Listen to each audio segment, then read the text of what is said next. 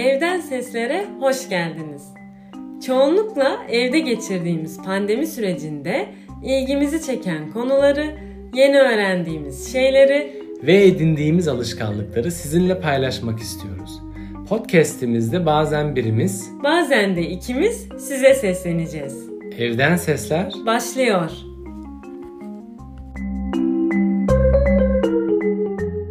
Merhaba sevgili dinleyicim. Eylül ayına girdiğimize ve kavurucu yaz sıcaklarını geride bırakmaya hazırlandığımıza göre hayatımızın olmazsa olmazlarından ve küresel ısınmanın da etkisiyle her geçen yıl varlığı tehdit altında olan hayat iksirimiz su bu bölümün konusu. WWF Türkiye'nin internet sayfasından bir bilgiyle başlamak istiyorum.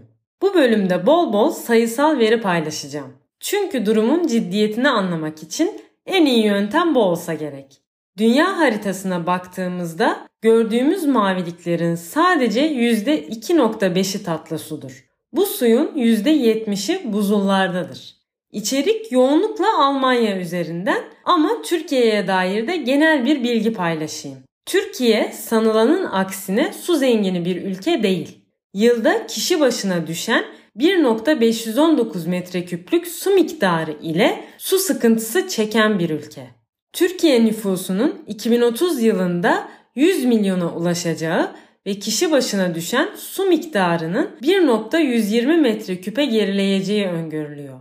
Diğer bir deyişle artan nüfusu ve büyüyen kentleriyle Türkiye su fakiri olma yolunda ilerliyor. Ortalama bir rakam olarak Almanya'da herkes günde 121 litre su tüketiyor. Bu miktarın sadece %4'ü içmek ve yemek pişirmek için kullanılırken geri kalanı tuvalet, banyo, çamaşır, bulaşık gibi diğer alanlarda harcanıyor. Yeraltı suyu kirleticilerinden nitrat şimdiye kadar içme suyu analizlerinde sınır değerlerin aşılmasında pek görülmemiş. Ancak uzmanlar uzun zamandır birçok bölgedeki yeraltı suyunun nitrat tarafından giderek daha fazla kirlendiği konusunda uyarıyor. Ve yeraltı suyu Almanya'daki en önemli içme suyu kaynağı. Her şeyden önce nitrat toprağa tarımdan gübre olarak girer ve bazen on yıllar boyunca yeraltı suyuna sızar. Yeraltı sularındaki nitrat içeriği için eşik değer litre başına 50 miligramdır. Tüm ölçüm noktalarının %27'si bu değeri aşmaktadır. Binlerce tüketicinin bulunduğu büyük su tedarik alanlarında içme suyunun bazen günde birkaç kez test edilmesi gerekir. İçme suyu yönetmeliği bunun için standartları belirler. Eckhart genel olarak çoğu parametre için sınır değere %99'dan fazla uyulmaktadır diyor. Helmholtz Çevre Araştırmaları Merkezi'nin Göl Araştırmaları Başkanı Karsten Rinke ayrıca musluk suyunu da savunuyor. Musluk suyunun kontrolünün kalitesinin başka tükettiğimiz hiçbir içecek ve yiyecekte olmadığına değiniyor. Bir de suya karışan ilaçlar tehlikesi var tabi. İlaçlar için sınır değerler içme suyu yönetmeliğinde düzenlenmemiştir. Rinke kalıntıları ciddi bir sorun olarak adlandırıyor. Değindiği diğer noktalarsa şunlar. İz maddeler sadece düşük konsantrasyonlarda bulunduğundan uzaklaştırılmaları da zordur. Daha sonra arıtmada aktif karbon filtreler kullanılır. Ancak bunlar suyu daha pahalı hale getirir. Bu konuda tüketici hakları merkezi de diyor ki eski ilaçlar asla tuvalete veya lavaboya atılmamalıdır. Bazı aktif maddeler kanalizasyon arıtma tesislerinde parçalanamaz. Birçok eczane kullanılmış ilaçları kabul eder ve uygun şekilde imha eder. Ancak eczanelerin eski ilaçları geri alma zorunluluğu yoktur. Birçok belediye ilaçların kabulünü geri dönüşüm merkezleri veya seyyar kirletici toplama noktaları aracılığıyla sunmaktadır. Ancak çoğu durumda ilaçlar atık çöp kutusuna atılabilir. Endüstriyel hayvancılık hayvanların idrar ve dışkıları yoluyla toprağın ve dolayısıyla da yeraltı sularının aşırı kirlenmesine neden oluyor. Amonyak ahırları bu kadar kötü kokulu yapan maddedir. Hayvanların dışkı ve idrarından gelen keskin, kötü kokulu bir gazdır.